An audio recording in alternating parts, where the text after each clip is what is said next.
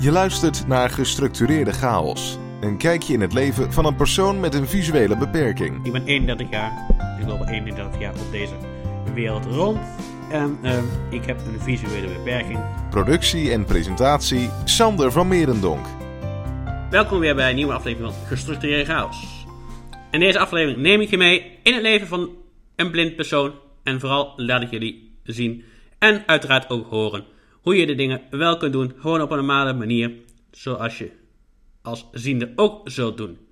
Zo kun je toch gewoon de normale dingen doen. Maar kost het net iets meer energie en tijd om die dingen ook op die manier te kunnen doen. Allereerst moet er even iets van mijn hart. Een irritatie die eigenlijk iedere dag wel langskomt. Die ik iedere dag wel tegenkom in mijn leven. En dat is namelijk het probleem dat er allemaal obstakels nog steeds op de geleiderlijnen staan. En even een reminder voor jullie en ook een uitleg voor nieuwe luisteraars. Een geleidlijn is een lijn die je op straat tegenkomt. Het zijn van die geribbelde lijnen die je in een hoop centra en ook op stations tegenkomt. En deze lijnen heeft de blinde medemens nodig om overheen te lopen met zijn stok. Als je er nou een obstakel op zet, maakt niet uit wat, een fiets, een auto, een lantaarnpaal, je kunt het zo gek niet bedenken, dan botst hij daar natuurlijk tegenaan. Met zijn been, met zijn hoofd. En het kan voor allerlei schade toerekenen aan de blinde medemens. Dit is helemaal niet nodig. En daarom is er een campagne gestart. Deze campagne loopt al drie jaar. En deze campagne heeft de logische naam Houd de lijn vrij. En deze campagne is een campagne die wordt georganiseerd door Bartimeus, de Robert Koppel Stichting, Oogvereniging en Code. Dit zijn organisaties die de belangen behartigen van de blinde en slechtziende mensen. Maar ook instellingen die de mensen helpen om gewone dingen te kunnen doen en ook die dingen aan te leren, zodat ze weer gewoon hun leven kunnen leiden zoals ze dat zelf willen.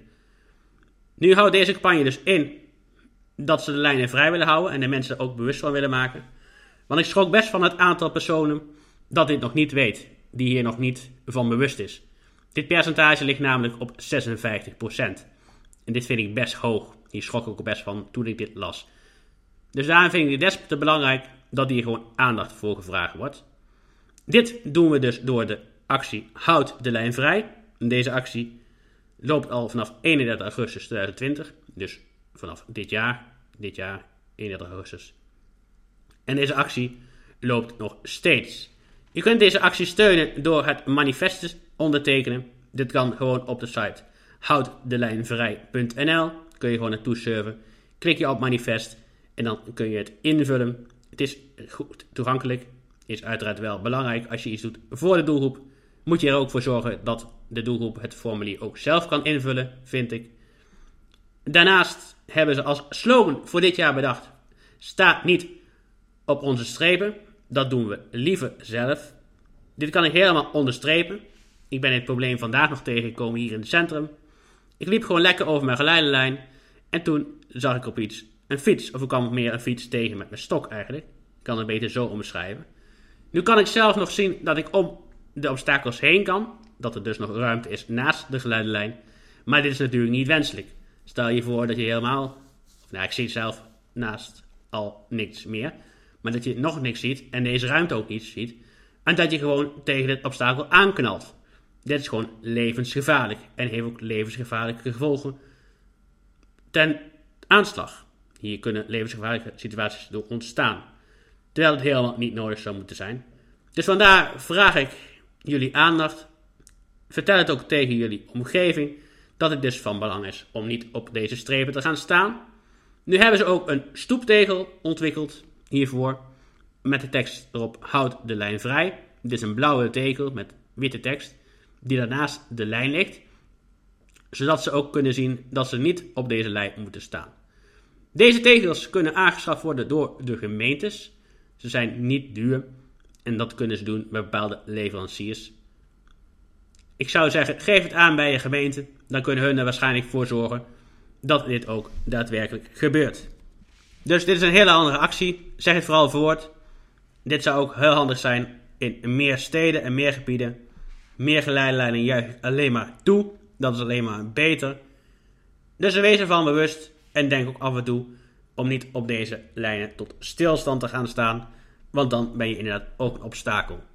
Ze zouden deze lijnen ook mogen leiden naar pretparken, waar ik zelf ook wel regelmatig naartoe ga.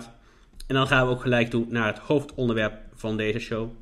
Dit gaat over wat je hebt als blinde of slechtziende aan een pretpark en ook hoe je dit allemaal organiseert. Dit is een hele tour om dit allemaal voor elkaar te krijgen. Het kost uiteraard een hoop energie, maar daar krijg je ook voldoende voor terug, zodat het balans in evenwicht is. En dat vind ik altijd wel zo belangrijk. Dus vandaar dat ik het heel erg leuk vind om dit te doen. Meestal wel met een ziende, dus nooit helemaal alleen in een park. Ik denk dat het in de normale omstandigheden wel zou kunnen, als ik het park uit mijn hoofd ken, goed kan visualiseren en mijn mond af en toe opentrek. Dan zou het eventueel wel kunnen.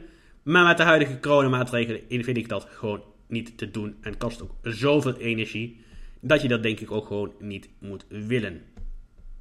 Nou, hoe begint mijn voorbereiding? Ik ga, als ik een park niet ken, eerst op internet kijken. Surfen uiteraard.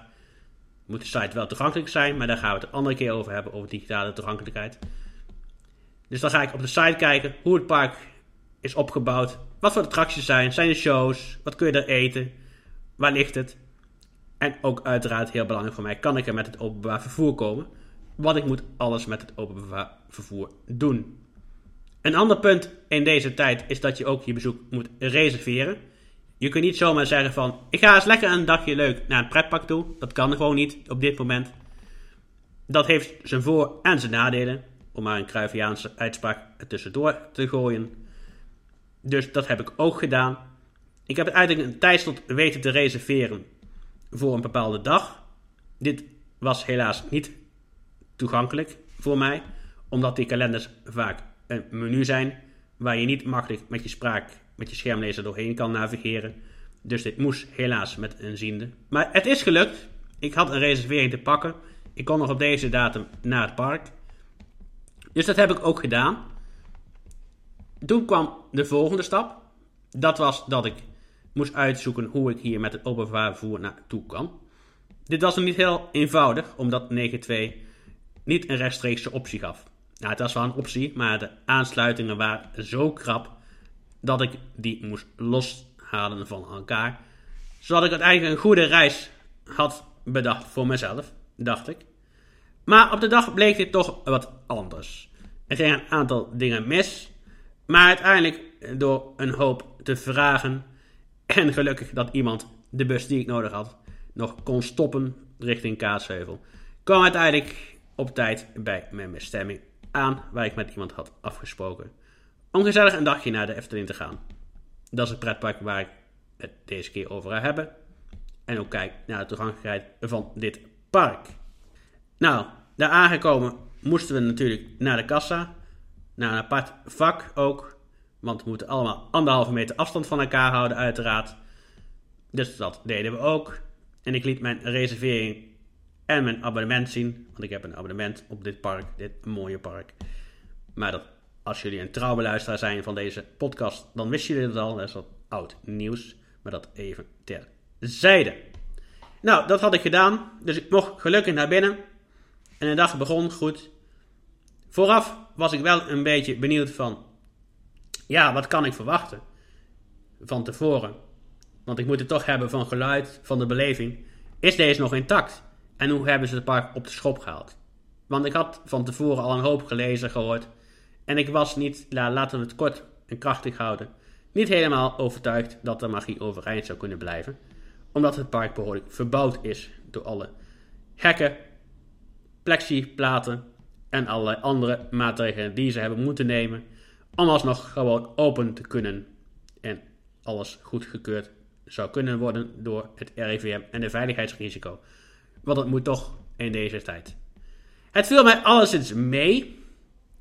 Je moet wel langer wachten, omdat alle wachtrijen gewoon een stuk langer zijn in deze tijd door corona. Dat is gewoon niet anders. Dus je moet gewoon geduld hebben. En het is niet heel erg handig, omdat alle wachtrijen een stuk smaller zijn geworden. Door meer wachtrijen zijn ze ook smaller. Waardoor ik er zelf heel, of nou ja, niet altijd even heel goed door kan en achter mijn begeleider moet lopen. Dat is de enige manier vaak om in een attractie te kunnen. Dus dat uh, was een ding. Maar goed, we zijn eruit gekomen. Je moet ze nog ook een beetje creatief aanvliegen. En gewoon alle tijd nemen. Nu hadden we gelukkig het geluk dat het op deze dag rustig was. Dus we konden alles rustig doen. Nu vielen mij ook nog een aantal dingen op. Een aantal veranderingen die ik nog nooit eerder had gezien in het park. Zoals bijvoorbeeld dat de vrouw in de Vliegende Hollander, de vrouw van Willem van der Dekken, de hoofdpersoon in deze attractie, zong in de woonkamer in de wachtrij. Dat was me nooit eerder opgevallen. Dus dat vond ik wel grappig. Plus nog een aantal andere dingen. Nou, deze dag verliep het gelukkig heel goed. We moesten alleen langst wachten bij de achtbanen, vooral bij Joris en de Draak. Dit komt met name ook omdat ze hier een ontzettend lange slinger aan hebben toegevoegd. Door de maatregelen moest dit, was dit nodig. Dus hier moesten we wat langer wachten. Dit was gewoon niet anders. Maar we konden overal gelukkig in. Alle dingen die ik wilde doen, hebben we kunnen doen op deze dag. Dus ik ging tevreden en met een goed gevoel naar huis. Ik heb nog wel dingen overgelaten, omdat ik toen ook al wist dat ik de week erop nog twee dagen zou gaan. Ik had wel voor mezelf een taxi naar huis geregeld, want na zo'n dag ben ik gewoon helemaal op, is mijn energie gewoon op. Dus is het verstandiger om met een taxi naar huis te gaan. In mijn geval is dit valies. Dus die bracht me gewoon vanaf de uitgang van het park helemaal weer terug naar mijn huis. De week erop gingen we nog een keer. Ik ging toen twee dagen naar dit park. En deze keer bleef ik daar ook overnachten. Dit was voor mijn eerste keer dat ik in een Efteling resort ging overnachten. Verblijfsaccommodatie accommodatie van de Efteling. Dit was, of is nog steeds, Efteling Bosrijk. Even een schets van hoe het park is ontstaan en wat je daar zoal kunt vinden qua woningen en qua verblijfsaccommodaties. Dan heb je ook enig idee hoe het park er een beetje uitziet en wat de geschiedenis hiervan is. De Efteling speelde al heel erg lang met de optie om een verblijfsaccommodatie toe te voegen, omdat ze gewoon meer bedden nodig hadden. Zeker omdat ze nu inzetten op de internationale gast. Dus dan moet je vooral denken aan bezoekers uit Engeland, Duitsland en Frankrijk. En al het andere. Dus toen dacht ze van, ja, waar kunnen we de mensen nu laten slapen buiten het Efteling Hotel? Dat al is sinds 1992, in ieder geval begin jaren 90. Eerst zou dit Droomrijk gaan worden, maar uiteindelijk kwamen ze uit op de naam Bosrijk. Dit is gestart in 2009, dus ook al ruim 11 jaar geleden, werd het eerste gedeelte van Bosrijk opgeleverd. Ook het poorthuis, heel mooi entreegebied, een poort echt. Met daarbij ook kamers, die pas later kwamen. Op het park staan ook een hoop verblijfsaccommodaties, huisjes, boshoeves en kamers. En is plaats aan meer dan 1600 personen. Dus 1600 personen kunnen daar overnachten. De meeste mensen overnachten daar een midweek, dus een paar dagen. Wij deden dit niet, wij overnachten maar een dag. In een kamer die pas begin dit jaar is opgeleverd, een familiekamer. Daar hebben ze er een aantal van. En daar hadden wij een overnachting in geboekt. Dit was een hele mooie kamer, ruim opgezet, met een bad, een douche uiteraard. Vier bedden, twee persoonsbed in de woonkamer en een staalbed in een aparte kamer, een kamer ernaast. Was geen mogelijkheid om te koken. Dat was het niet. Maar goed, dat hadden we ook niet nodig voor de ene nacht. Dat uh, deden we allemaal elders. Dus ik lag in het staalbed. Ik vroeg me eerst af of dit wel ruim genoeg was. Maar na het testen bleek dit wel voldoende. Dit was gewoon goed. Het park is verder heel ruim opgezet, heel bosrijk ook, heel veel bomen, heel veel verblijfsaccommodaties. Ook hele grote, zelfs van 24 personen. Dus dat zijn twee hele grote boshoevers noemen ze die. En die kun je aan elkaar schakelen en dan krijg je uiteindelijk een accommodatie voor 24 personen. Maar goed, dat hadden wij natuurlijk niet nodig, want we waren maar drie personen. We kwamen aan met onze auto bij Bosrijk. Toen gingen we naar de receptie, want ik had zelf even een brief nodig om het park in te kunnen met mijn abonnement. Dus die hebben we erop gehaald. En toen zijn we rustig naar het park gelopen. Dit was een wandeling van een ja, minuut of tien. En toen konden we het park in. We kregen ook nog een heel mooi polsbandje, zodat ze zeker wisten dat we gezond waren. Dus die heb ik ook uh, twee dagen gedragen. Was ook waterbestendig. Dat klopte ook. Dus uh, die heb ik gewoon twee dagen met mij meegezult, heel het park door en naar Bosrijk. Maar dat is maar een detail. Maar ik dacht toch wel leuk om eventjes te vermelden. We hebben heel veel gedaan in deze twee dagen. Zelfs dingen die ik heel erg lang niet meer had gedaan. Zoals bijvoorbeeld de pagode. Dit is een Thaise tempel. Die halverwege jaren 80. Even aan mijn volgens mij. In 87 is ontworpen de Ton van de Ven. Dit is een uh, tempel die dient als uitkijktoren. Je kunt heel ver om je heen kijken. En deze gaat ook de hoogte in, hoger dan 40 meter. Dus het is een aardige hoogte en met mooi weer kun je ook behoorlijk ver om je heen kijken. Volgens mij zelfs op Tilburg en zo. Dus ja, dat is een aardig eindje. We hadden een beetje pech met het weer. Dit was onze tweede dag, was dat. Toen hadden we iets minder weer, dus we konden ook iets minder ver kijken. Maar goed. En verder zijn we ook nog in de monorail van het volk van Laaf gegaan. Dit is een attractie over een bepaald verhaal. En daar kun je ook verder in rondlopen. Een soort sprookjesbos, maar net niet helemaal, net anders. Met allemaal grappige mensen waar je ook in rond kan lopen. En op de dag daarna gingen we ook even rusten in de Gondoletta. Dus dat is een, eh, dat is een bootjestochtje over een vijver van 20 minuten. Dan vaar je gewoon rond. Dan hoef je niks te doen. En dan zit je toch gewoon lekker droog. Tenminste, we hadden mazzel met het weer. Overigens hadden we dat ook allebei de dagen. Op de tweede dag was het, zoals ik net al zei, iets minder weer. Maar door goed op te letten naar de buien en af en toe op de juiste momenten te schuilen, konden we dat goed doen. Eerste dag schuilden we ook nog eventjes bij Symbolica, bij de uitgang. Moesten eventjes wachten, want er was echt een hoos bij, waar je echt zeiknat van zou worden. Dus dan kon je gelijk onder de douche, kon je gelijk nieuwe weer aan doen. Nou ja, daar word je bepaald niet echt vrolijk van. Alle attracties waren gewoon goed in gebruik. En er waren ook nog een aantal verschillen tussen de maandag ervoor en deze twee dagen. Dit heeft te maken met de verandering in de maatregelen. Er mochten maar 30 mensen in alle restaurants. Dus ze moesten overal tellen hoeveel mensen er binnen waren. Op een gegeven moment was het te druk en moesten we op het terras buiten gaan zitten. Stond wel een lekkere dus het was wel lekker warm. En alle medewerkers, al het personeel, was gevraagd. Of nou ja, ze hadden een interne memo gehad dat ze een mondkapje moeten dragen. En de meeste personeelsleden deden dat ook wel aardig, volgens mij.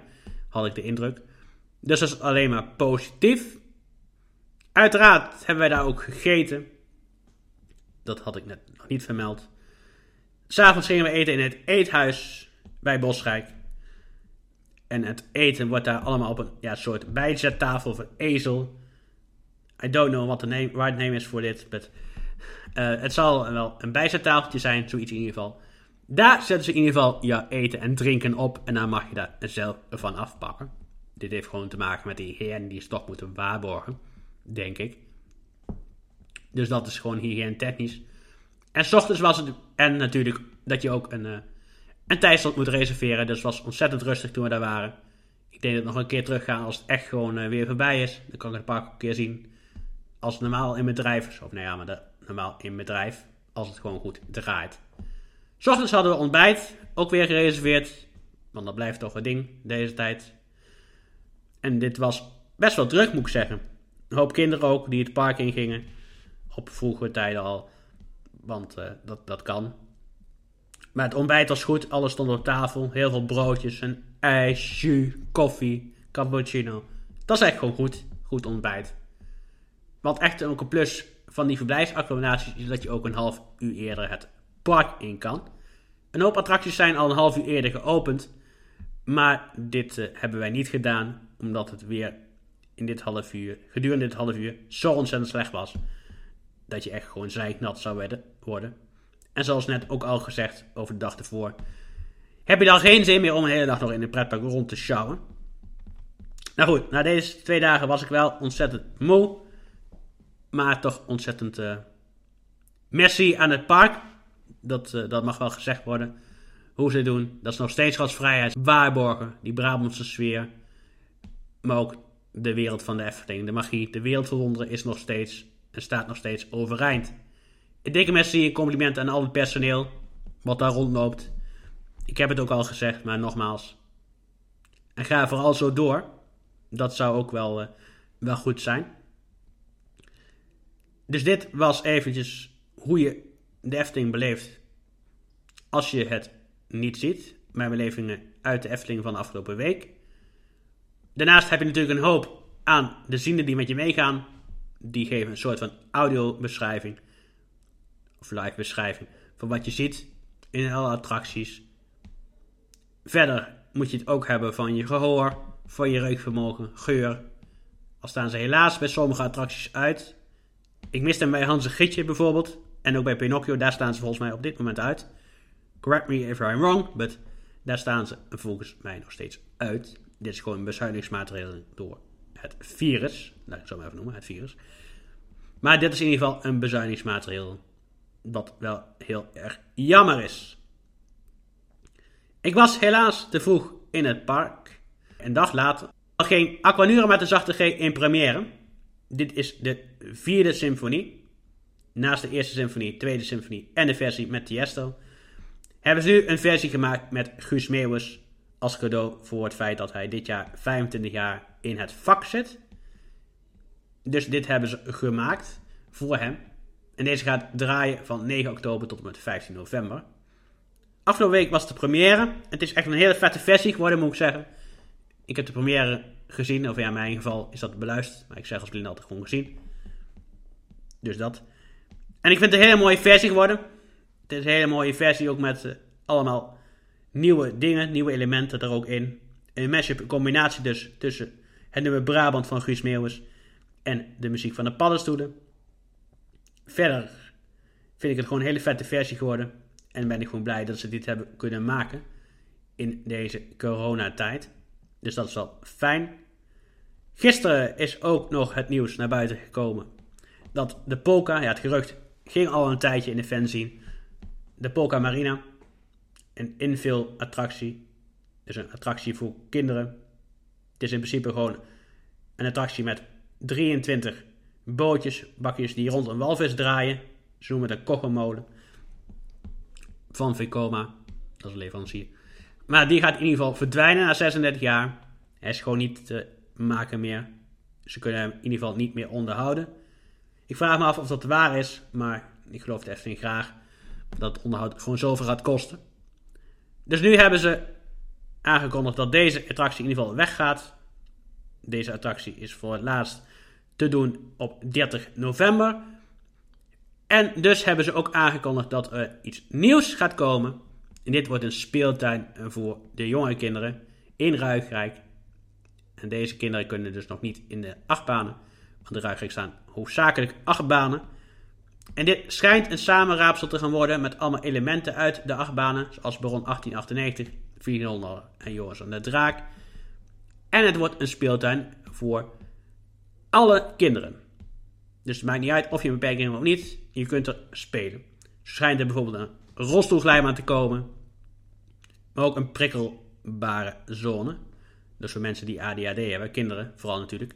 Die ADHD hebben, kunnen hier gewoon rustig gaan spelen. Zonder dat ze te veel prikkels krijgen. Of dan kunnen ze even de prikkels van zich afslaan. Kunnen ze even uittunen. Kunnen ze even uittunen van een dagje Efteling. Want er zijn natuurlijk een hoop prikkels voor dat soort kinderen. En kunnen ze even de rust opzoeken in deze speeltuin. Hij gaat over een speeltuin Nest worden. En nogmaals een compliment aan de Efteling voor de promo die ze al op de socials hebben gezet.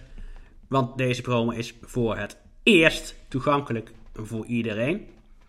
Dus ook voor mensen die het niet zien. Want ze hebben deze promo voorzien van audiodescriptie. Iemand die dit altijd doet, heeft deze video voorzien van audiodescriptie. Dus ook onze doelgroep kan nu eindelijk eens een keer een promo goed bekijken. Dus we zeggen Efteling, hou dit vast en ga vooral zo door. En zorg ervoor dat het altijd kan. Bij alle promo's die jullie lanceren. Nu was er vandaag, dus heet van de naald, nog nieuws over de uitbreidingsplannen van het park. Want er liep een zaak bij de Raad van State. Maar ze worden teruggestuurd naar de tekentafel. De meeste bezwaren zijn niet meer gerond, maar de gemeente Loon op Zand schijnt toch het huiswerk niet goed gedaan te hebben. Dus ze moeten alsnog een paar puntjes op de i gaan zetten. Hard aan het werk. En ze hebben daar een half jaar voor gekregen. En dan komt er weer een nieuwe zitting. Dus dan krijgen ze waarschijnlijk weer een nieuwe kans. En hopelijk gaat het dan wel door. Want er is niet heel erg veel ruimte meer in het park op dit moment. Dus dat uh, gaan we ook zien. Gaat ook voorbij komen regelmatig. Dit was even mijn review. Mochten jullie vragen hebben, stel ze rust. Dat kan via hashtag Victor, Anton, Nico, Maria, Eduard, Eduard, Richard, Eduard, Nico. Of via de Facebookpagina van Gestructureerde Chaos. Die is gewoon te vinden op Facebook. Like hem ook vooral, zou ik zeggen. De podcast is uiteraard ook te vinden op alle bekende podcastplatforms, zoals Spotify, Stitcher, Apple Podcast. Mocht je deze podcast nou echt vet vinden, de bom, geef hem vooral een paar likes, zou ik zeggen. En dan uh, zie ik jullie gewoon bij, bij de volgende